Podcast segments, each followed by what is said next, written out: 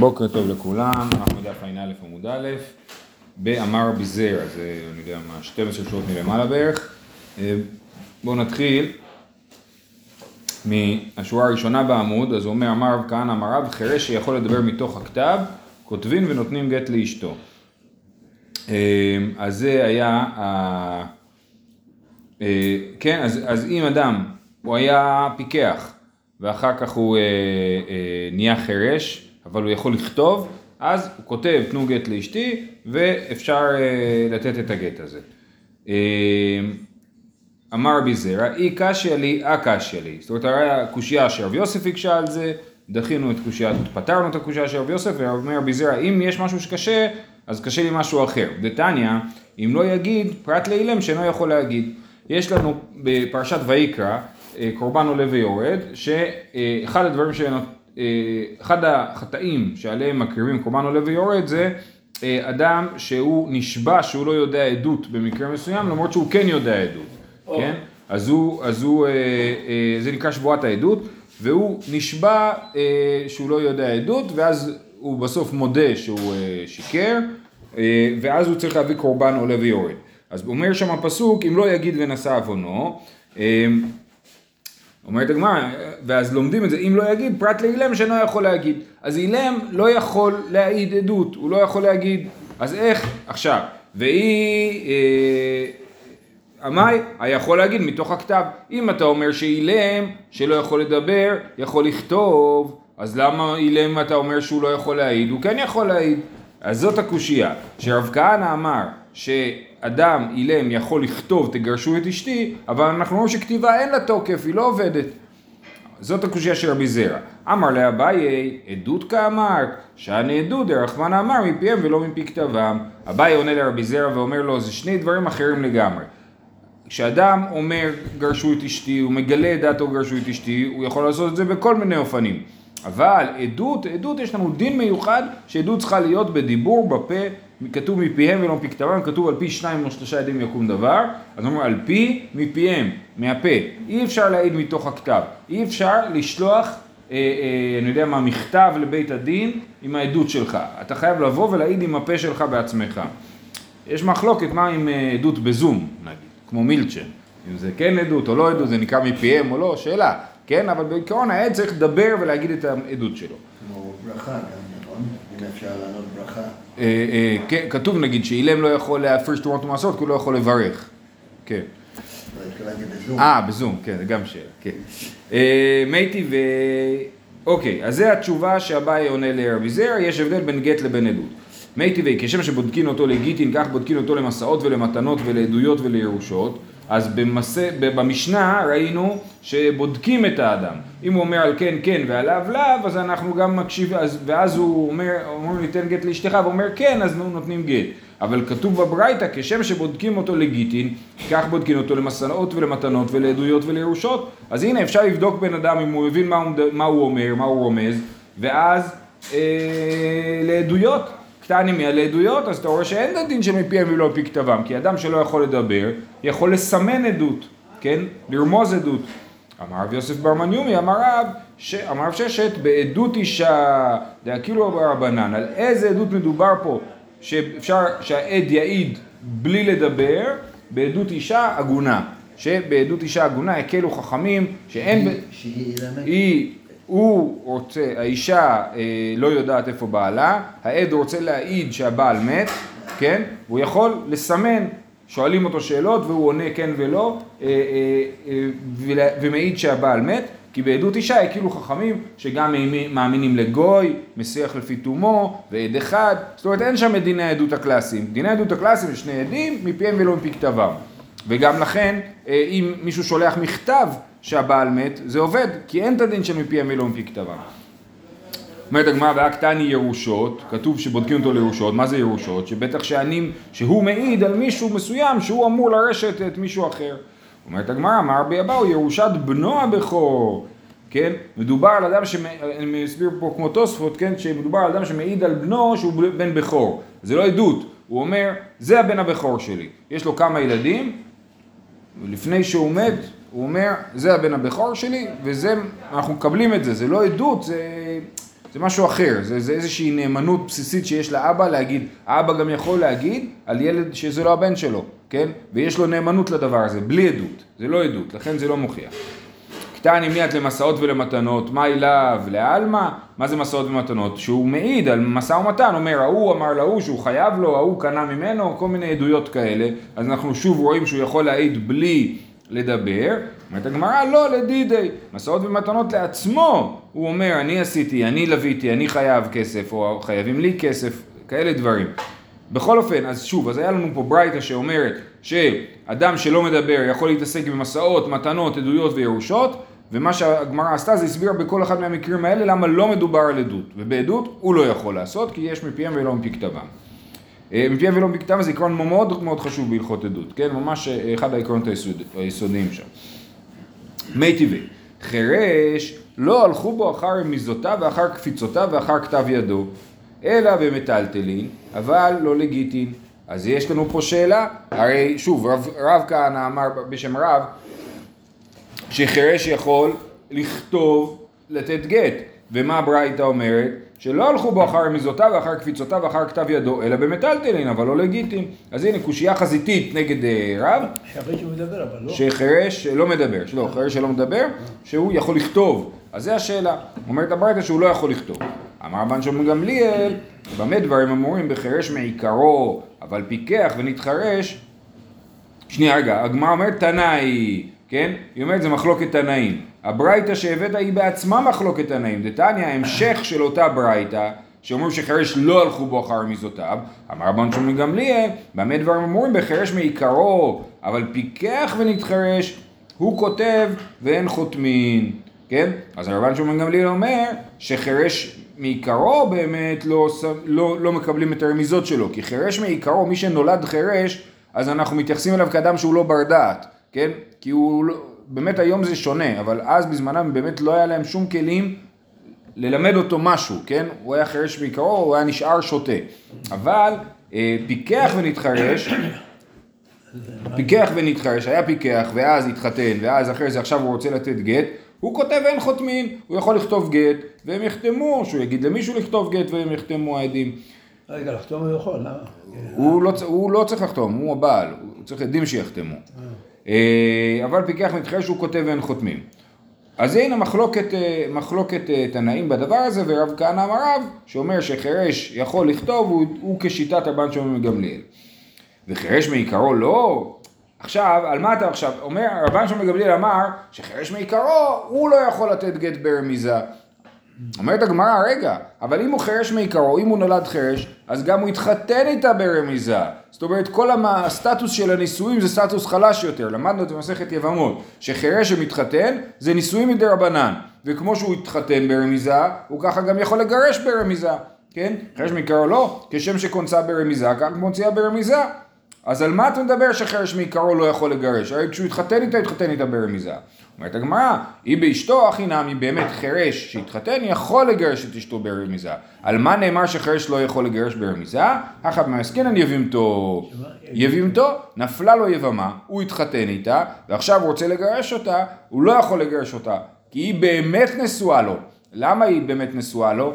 בגלל שהיא לא התחתנה איתו. הוא התחתנה עם אח שלו, ואז היא הייתה נשואה לגמרי לאח שלו, והוא ייבם אותה, אז זה ייבום לגמרי. ועכשיו הוא לא יכול לגרש אותה ברמיזה.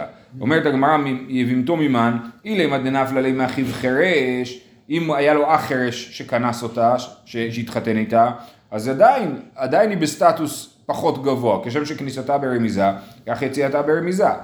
אלא דנפלה לי מאחיו פיקח. יופי. אז זה הסבר ראשון. איך יכול להיות חירש מעיקרו שלא יכול לגרש ברמיזה? היה לו אח פיקח, לא עלינו נפטר, והחירש ייבם את, ה, את האישה, ועכשיו הוא רוצה לגרש אותה, לא יכול לגרש אותה, כי הוא לא יכול לגרש ברמיזה. והיא בהתאמה, לעולם דנפלה לי מאחיו חירש, וגזרה אחיו חירש עד אחיו פיקח. אפשר אם ככה גם להגיד, אחרי שאמרנו את זה, שאם האח פיקח היא נפלה לו, אז הוא אה, לא יכול לגרש, אז גם מאח פיקח, גם מאח חירש הוא לא יכול לגרש. למה? נעשה גזרה, כמו שהוא לא יכול לגרש אח פיקח, שלא יתבלבלו, יחשבו, אה, אם הוא יכול להתגרש מאח, אה, אם הוא לא יכול להתגרש, סליחה שנייה. כן. אם יגידו שהוא יכול להתגרש מאח חירש, אז אה, יחשבו שהוא יכול גם להתגרש מאח פיקח, והוא לא יכול, בגלל ששם זה הנישואים הם אה, נישואים רציניים. היא אח היא אשתו נעמי, אה, אז גם תגיד שהוא לא יכול לגרש את אשתו ברמיזה, שמא הוא יבוא לגרש את יבימתו ברמיזה. אומרת הגמרא זה לא הגיוני, יבימתו ביבימתו מחלפה, אשתו ביבימתו לא מחלפה. אין מה לגזור אשתו בגלל יבימתו. יש מה לגזור יבימתו מאח חירש, משום יבימתו מאח פיקח. מה, הייתה יבמה אבל לקחת את האישה השנייה? אה, לפעמים כן, לפעמים לא, תלוי. אם הוא היה נשוי, אז זה אישה שנייה. אה, ומי גזרינן חירש את ופיקח? מה באמת? שוב, אז עכשיו בואו, בוא, שוב, הבעיה שלנו זה על מה הרבן שמעון גמליאל מדבר כשהוא אומר שחירש יכ, לא יכול לגרש, חירש מעיקרו לא יכול לגרש אישה. אז הסברנו אפשרות א', שהיא יבימתו מאחיו הפיקח. עכשיו הגמרא בודקת עוד אופציה להגיד שהרבן שמעון גמליאל אומר את זה אפילו על אחיו יבימתו מאחיו חירש, ש, שזה גזרה משום יבימתו מאחיו פיקח, כן? אז את זה הגמרא אה, לא אוהבת ודוחה את זה. היא אומרת, ומי גזרינן חירשת ופיקח?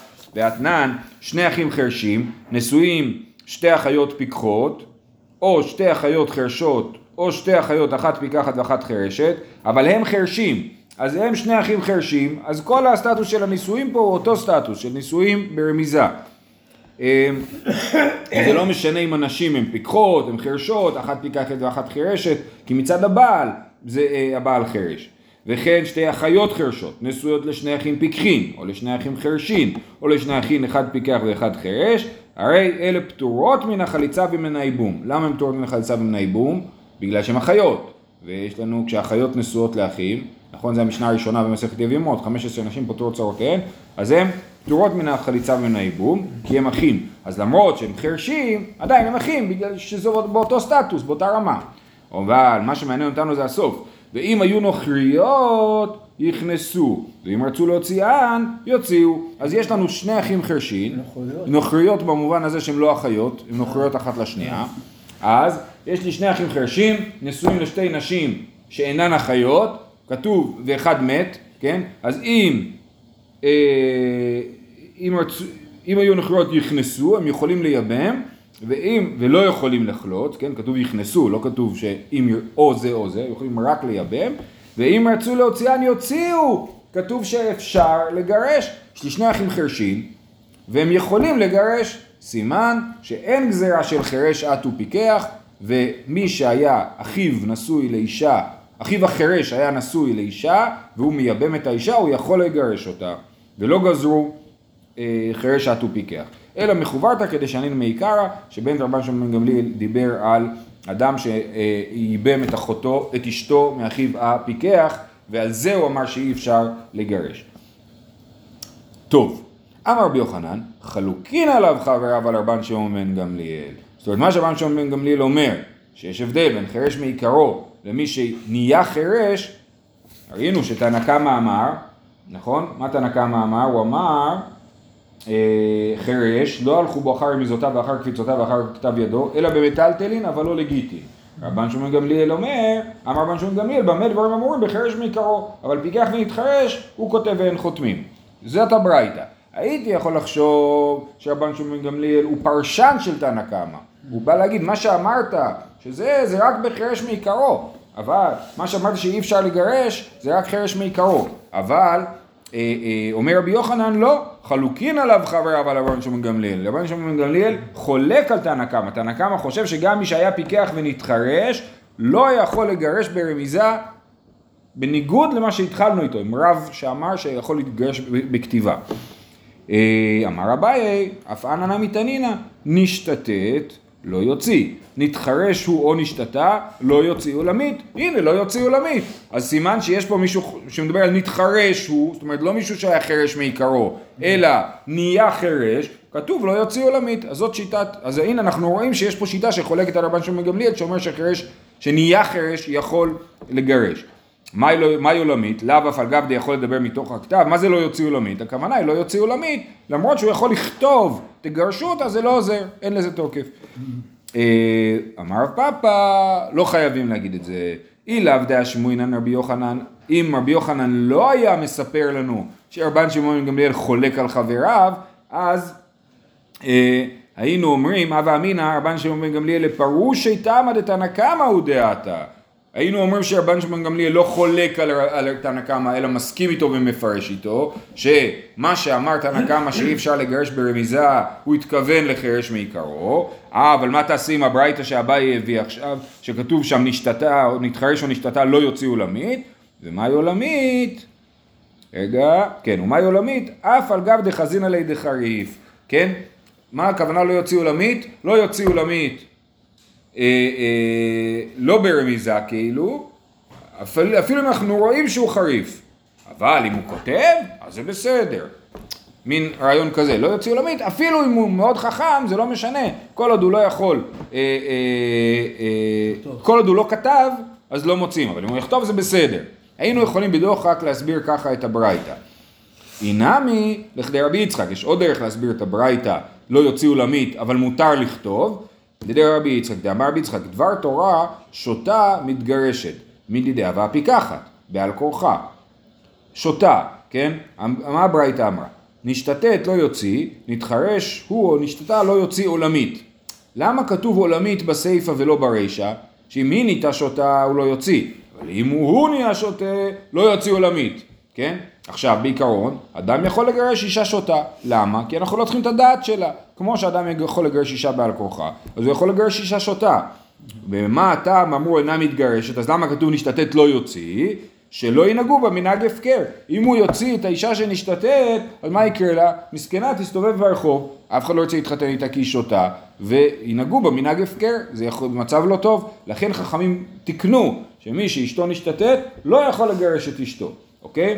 וזה מה שהברייתא רוצה להשמיע לנו, שתאמר נשתתת, לא יוציא, נתחרש או נשתתה, לא יוציא עולמית. למה כתבו עולמית? בשביל להגיד לנו שזה דאורייתא וזה דרבנן. כן, להגיד לנו, אם היא נשתתת הוא לא יוציא מדרבנן, אם הוא נשתתה הוא לא יוציא מדאורייתא, לכן כתבו את המילה עולמית, לא בשביל להגיד שהוא לא יכול לגרש מתוך הכתב, אלא בשביל להגיד שהוא לא יכול לגרש אה, אה, מדאורייתא. אז אה, אה, לסיכום, ראינו שרב אומר שמי שנהיה חירש יכול לגרש על ידי כתב, כן? הגמרא הסבירה שזה בעצם מחלוקת תנאים בין תנא קמא לרבן שמעון גמליאל, ורבי יוחנן עכשיו בא ואמר, זה מחלוקת תנאים, אל תחשבו שתנא קמא מסכים לרבן שמעון גמליאל, אלא רבן שמעון גמליאל עומד לבד, אבל באמת, מצד שני, רב פסק מותו, רב הלך עם, ה, עם הדבר הזה. זהו, משנה.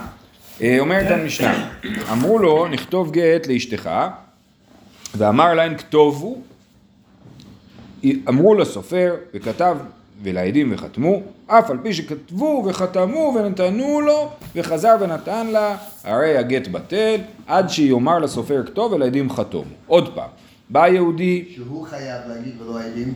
כן, הוא אמר, לה, אמרו לו, הוא אמר תכתבו גט. מה הם עשו? הם לא כתבו גט, הם אמרו לסופר וכתב, נכון? ולעדים וחתמו. אף על פי שכתבו וחתמו ונתנו לו, והביאו לו את הגט, והוא נתן לאישה את הגט, זה כאילו לכאורה אמור להיות בסדר גמור, זה פסול. למה זה פסול? בגלל שהגט בטל, עד שיאמר לסופר כתוב ולעדים חתום. עכשיו יש פה בעיה, כי ברישא, לכאורה, הרישא מדבר דווקא על מקרה שאמר להם כתובו, אבל אם הוא אמר להם תנו את הגט, אז היה נשמע שמותר להם לכתוב את הגט.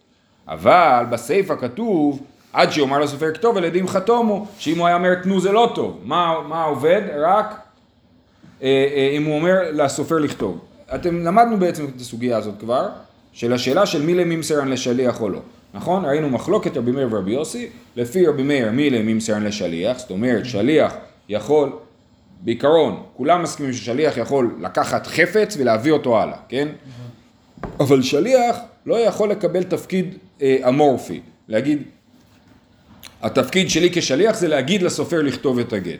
זה לפי רבי יוסי, מילי לא ממסרן לשליח. רבי מאיר אומר לא. בעצם השאלה היא בעצם מה ההיקף של ייפוי כוח, נכון? אה, אה, אה, שליח זה סוג של ייפוי כוח, אז השאלה היא האם ייפוי כוח עובד רק על דברים פיזיים, ממשיים, או גם על דברים רוחניים מופשטים, כן, דיבורים. אז מילי מי שליח או לא? אז המשנה שלנו היא בעייתית כי אנחנו לא מבינים כמו מי הולכת. אז בואו נראה, הגמרא מסבירה. אומרת הגמרא, תמא דלא אמר תנו, האמר תנו נותנין, כן? ברישא הבעיה היא שהוא אמר כי תכתבו, אם הוא היה אומר תיתנו, נותנים. כמו שלמדנו שבן אדם שאמר לבית דין, לשלושה אנשים, תנו, אז הם אה, יכולים אה, להגיד לסופר לכתוב. ראינו את המחלוקת הזאת בפרק הקודם, שהיה מחלוקת, רבי מאיר אמר, שאם הוא אמר לשלושה אנשים, תנו, אז הם יכולים למנות סופר, ו... אה, אז כי מי למי מסרן לשליח, והוא יכתוב ו- וכולי. ושם ראינו במשנה, שרבי יוסי אמר, אפילו אומר לסנהדרין, לסנהדרין, לבית הדין הגדול שבירושלים, אומר להם, תנו גט לאשתי, הם צריכים ללמוד לכתוב ולכתוב בעצמם. כי מילי לא ממסרן לשליח. זאת הייתה... אז זה באמת שאלה, הם מסבירים שם למה. בכל אופן, אז זאת שאלה לפי רבי יוסי, מילי לא ממסרן שליח, לפי רבי מאיר מי ממסרן שליח. אז מה הבעיה ברישא? שאמר להם כתובו. אם הוא היה אמר להם תנו, אז היה בסדר. כמו מי השיטה הזאת? כמו רבי מאיר, כן? תמה דלא אמר תנו, אמר תנו נותנים. מה אני רבי מאיר? דאמר מילי ממסרן לשליח. אימה סיפה, בסוף המשנה מה כתוב? עד שיאמר לסופר כתוב ילדים חתומו. עתה לרבי יוסי דאמר מילי לא ממסרן לשליח. כי רק אם הוא אומר לסופר כתוב אז הסופר יכול לכתוב. אבל אם הוא לא אמר לסופר לכתוב אז הגט פסול. אז, אז הרישא רבי מאיר בספר רבי יוסי, זה, מה זה המשנה הזאת? זה משנה עם סכיזופרניה, הרישא היא רבי מאיר והסוף זה, הספר זה רבי יוסי, אומרת הגמרא אין, אין פה ברירה אלא להסביר שאכן רישא רבי מאיר בספר רבי יוסי. אנחנו לא אוהבים לעשות את זה, אבל לפעמים חייבים. אביי אמר, כולה רבי מאירי. אפשר להסביר שהכל לשיטת רבי מאיר. ואחד מהעסקינן דלא אמר תנו. נכון, באמת, אם הוא היה אומר תנו זה היה עובד. אבל הוא לא אמר תנו, ולכן אומרת המשנה שזה הגט בטל עד שיאמר לסופר כתוב ולעדים חתומו. אבל אם הוא היה אומר תנו זה היה עובד. אומרת הגמרא, היה אחי עד שיאמר תנו מבא אלי. למה הגמרא אומרת עד שיאמר לסופר כתוב ולעדים חתומו? היא הייתה צריכה להגיד המשנה עד שיאמר לעדים תנו והם היו אומרים לסופר לכתוב. לכן זה לא הסבר טוב, ההסבר של אביי. אה, אלא אחא מעסקינן דלא אמר לבית תלתא, אז כמו שהזכרתי מקודם, במשנה, כאשר אדם, גם רבי מאיר מודה, שכאשר אדם אומר לשני עדים תנו גט לאשתי, הם צריכים לכתוב אותו בעצמו, רק אם הוא אומר לבית דין, לשלושה אנשים, תנו גט לאשתי, הם יכולים למנות מישהו אחר ש, שיכתוב את זה. אה, יחי עד שאומר לשלושה מבית, כן? אז, אז, אז אפשר להסביר שהמשנה שלנו מדברת על שני עדים, אבל אם הוא היה באמת אומר לשלושה, אז הגט היה כשר. אלא אחד מעסקינן, דלא אמר לבית לא, יוסי. סליחה, רגע, רגע, רגע. אביי אמר, כולה רבי מאירי ואחא מעסקינן דלא אמר תנו. אחי עד שאמר תנו מבא אלי. אלא אחא מעסקינן, אנחנו עדיין ברבי מאיר. אלא אחא מעסקינן דלא אמר לבית תלתא. יהיה אחי עד שיאמר לשלושה מבא אלי. אז שוב, המשנה הייתה צריכה לכתוב. במקום עד שיאמר לסופר כתוב, הייתה אומרת עד שיאמר לשלושה. כי בשלושה זה כן עובד. אלא כולה רבי יוסי. אלא בוא, נהפוך את זה. נגיד שהכל זה רבי יוסי. אה, אבל למה ברישא אמרנו שאמר להם כתובו וזה לא עובד, אפילו אמר להם תנו זה לא עובד, עד שהוא אמר לסופר כתוב ולעדים חתומו, אך מעסקינן דלא אמר אמרו, אה, אם הוא היה אומר אמרו לסופר לכתוב, אז היה עובד גם ברישא. אבל, אה, אה, אבל זאת אומרת ברישא הוא אמר להם כתובו זה בא להגיד ואם הוא היה אומר להם אמרו לסופר לכתוב אז זה היה עובד שוב פעם באה הקושייה. אי אחי עד שיאמר אמור מבא אלי. אז למה בסיפא לא כתוב את זה? למה כתוב עד שיאמר לסופר כתוב זאת שאלה ראשונה. ועוד וזה ממש סוגיה שלמדנו מילה במילה לפני אה, בערך שבוע ממודה רבי יוסי ואומר אמרו אתה רוצה לטעון שרבי יוסי אומר מילי לא ממסרן לשליח. אי אפשר להעביר אה, אה, אה, דיבורים לשליח. אבל אם אני אומר לשליח תגיד לסופר לכתוב זה כן עובד. רק כשאני אומר לו תכתוב הוא לא יכול להעביר את זה הלאה כי אמרתי לו תכתוב אבל אם הוא אמר, אמרתי לו תגיד למישהו שיכתוב אז הוא כן יכול להעביר את זה הלאה. זה בעצם מה שכתוב פה נכון? שאם הוא היה אומר אמרו זה היה עובד. אתה באמת חושב שזה מה שרבי יוסי חושב? שאם הוא היה אומר אמרו זה היה עובד? לא נכון. ואתנן כתב סופר ועד כשר. כן, אם יש, אה, אה, אה, וזאת המשנה, כתב סופר ועד כשר, ורבי ירמיה מסביר, אמר רבי ירמיה חתם סופר שענינו. זאת אומרת, יש לי שטר, על השטר כתוב, השטר נכתב על ידי אה, פלוני, קוראים אותו מוישה, והוא גם חתם, ולידו חתם עוד עד, כן? יש לו שני עדים, אחד מהם הוא הסופר, חתם סופר ועד, שני עדים, מצוין, כן? אז כתוב חתם סופר ועד כשר, ואמר רב חיסדא, מתניתין מאני רבי יוסי, דאמר מי לי לא ממסרן שליח. רב חיסדא אומר, מי יכל להגיד את המשנה הזאת? רבי מאיר לא יכל להגיד את המשנה הזאת, רק רבי יוסי יכל להגיד את המשנה הזאת. למה? כי רבי יוסי חושב שמילי לא ממסרן לשליח. אז מה?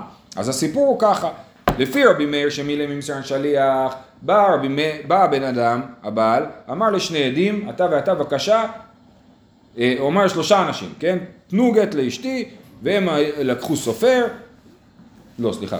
הוא אמר, אמרו לסופר שיכתוב את הגט, ולשני, ואתה ואתה תחתמו, כן? אז זה אה, לפי רבי מאיר. עכשיו, הם הלכו לסופר, והם כל הזמן אומרים לעצמם, רגע, לא נעים לנו מהסופר. למה שהסופר לא יחתום בעצמו? הרי זה הדבר הכי פשוט בעולם. הסופר כבר פה, כבר כתב את הגט. שיחתום, נכון? אלא מה? גם כן. שיהיה גם כן, זה פשוט כאילו, כן? אלא מה? ואם אנחנו לא נבקש מהסופר לחתום, הוא ייעלב, הוא יחשוב שאנחנו לא סומכים עליו להיות עד. אז, אז לכן, אנחנו נחשוש שהמצב היה כך. הבעל אמר לעדים להגיד לסופר לכתוב ולחתום בעצמם, והם לא היה להם נעים מהסופר, אז הם אמרו לסופר לחתום, במקום שהם יחתמו. זה גט פסול לרבי מאיר. למה? כי העדים לא עשו מה שהבעל אמר להם לעשות, כן? זה החשש. החשש הזה קיים רק לשיטת רבי מאיר. כי לשיטת רבי יוסי שמילי לא ממסרן לשליח, לעולם הסופר לא יכתוב גט עד שהוא ישמע באוזניים שלו מי הבעל, בבקשה תכתוב גט. וממילא אין מקום לפדיחות האלה, כן? אז לכן רב חיסדא אמר מתניתי מאני רבי יוסי, דאמר מילי לא ממסרן לשליח. יישר כוח. ואיסל כדאיתך מודה רבי יוסי באומר אמרו נפיק מן החורבה. האם אתה אומר שרבי יוסי חושב שאם הבעל אומר לעדים אמרו לסופר לכתוב שזה מותר, שזה עובד, חוזרת הבעיה. הבעיה יכולה לחזור, שהם יגידו לסופר לכתוב, ואז לא יהיה להם נעים, והם יחתימו את הסופר, למרות שהם לא היו אמורים לעשות את זה. אז זה שאמרנו, שהמשנה הזאת של חתם סופר ועד, אי כרבי יוסי, מוכיח שלרבי יוסי אפילו אומר אמרו לא עובד. ואיסל גדל לכמודי רבי יוסי בו אומר אמרו, נפיק מינה חורבה. דזימנין דאמר להוא לשניים, אמרו לסופר ויכתוב, ולפלוני ולפלוני יחתמו, נכון, הוא אמר לשני אנשים, תגידו לסופר לכתוב, ולפלוני ולפלוני לחתום, ומשום כיסוף עד הסופר, משום הבושה של הסופר, חי שיומחתמי לי, ובא לא אמר אחי, גם גט פסול. לכן אי אפשר להגיד שהמשנה שלנו היא כולה רבי יוסי, ואם הוא היה אומר אמרו זה היה עובד. אלא מחוברת, ריש רבי מאיר וספר רבי יוסי חייבים לחזור להתחלה ולהגיד באמת המשנה היא מפוצלת, הרישא היא לרבי מאיר, הרישא שאומרת שאם הוא אמר לכתוב זה פסול, אבל אם הוא היה אומר לתת זה היה כשר, זה רבי מאיר, והסיפא אומרת לא, זה לא היה כשר עד שיאמר לסופר כתוב ולעדים חתומו. רב אשי אמר, אני יכול לתרץ את זה. כולה רבי יוסי, ולא מבעיה כאמר. לא מבעיה אחד לא אמר תנו, אלא אפילו אמר, אה, סליחה, אה, לא, אה, כולה רבי יוסי, כל המשנה רבי יוסי, וזה בסגנון לא מבעיה. זאת אומרת, המשנה מדורגת, היא מתחילה מהקל אל הכבד. כן, היא אומרת ככה, ולא מבעיה כאמר. לא מבעיה אחד לא אמר תנו, אפילו אם הוא לא אמר תנו, ברור, על זה כולם מסכימים. כן, ש... אה, פסול, אלא אפילו אמרתנו הגט פסול, אפילו אמרתנו לא, למה? כי רבי יוסי אומר מילי לא מסוין שליח, ולא מבעיה אחד לא אמר לבית תלתה, אלא אפילו אמר לבית תלתה, אפילו אמר תנו לשלושה אנשים, זה פסול עדיין, ולא מבעיה אחד לא אמר אמרו, אלא אפילו אמר אמרו נמי לא, אפילו אמר אמרו זה פסול, עד שיאמר לסופר כתוב ולעדים חתומו, זה ככה צריך להבין את המשנה, שהמשנה מתחילה מהקל ובעצם כוללת בתוכה את הכל עד ל... ואומרת לא, לפי רבי יוסי זה חד משמעי, אי אפשר לברוח מזה עד שיאמר לסופר כתוב ולעדים חתום. תניא כבתי דרבשי, יש ברייתא שמחזקת אותו, כתב סופר לשמה וחתמו עדים לשמה. אף על פי שכתבו וחתמו ונתנו לו ונתנו לה הרי הגט בטל, עד שישמעו קולו שיאמר לסופר כתוב ולעדים חתומו. כן, אז זה מוכיח שרבשי צודק, שצריך לשמוע את הכל, שימו לב, לומדים מזה שני דברים. ישמעו לאפוקי ממאן דאמר מודה רבי יוסי ואומר אמרו, נכון? כתוב שישמעו קולו, אז, הם, אז ברור שרבי יוסי לא חושב שבאומר אמרו זה עובד. כי הם לא שומעים. בדיוק, וחוץ מזה, קולו לאפוקי מדי רב כהנא אמר רב. קולו, צריך לשמוע את הקול שלו, ולא מספיק שהוא יכתוב. כמו שרב כהנא אמר רב, שאפשר לכתוב, הברייתא הזאת היא משמע ממנה שלא טוב, אי אפשר לכתוב, אלא רק הולכים אה, אה, על, על לשמוע את קולו. אה, זה, זהו, סיימנו את המשנה, נמשיך מחר, לא, מחר לא נמשיך, מחר תשעה באב, וכולם יום טוב.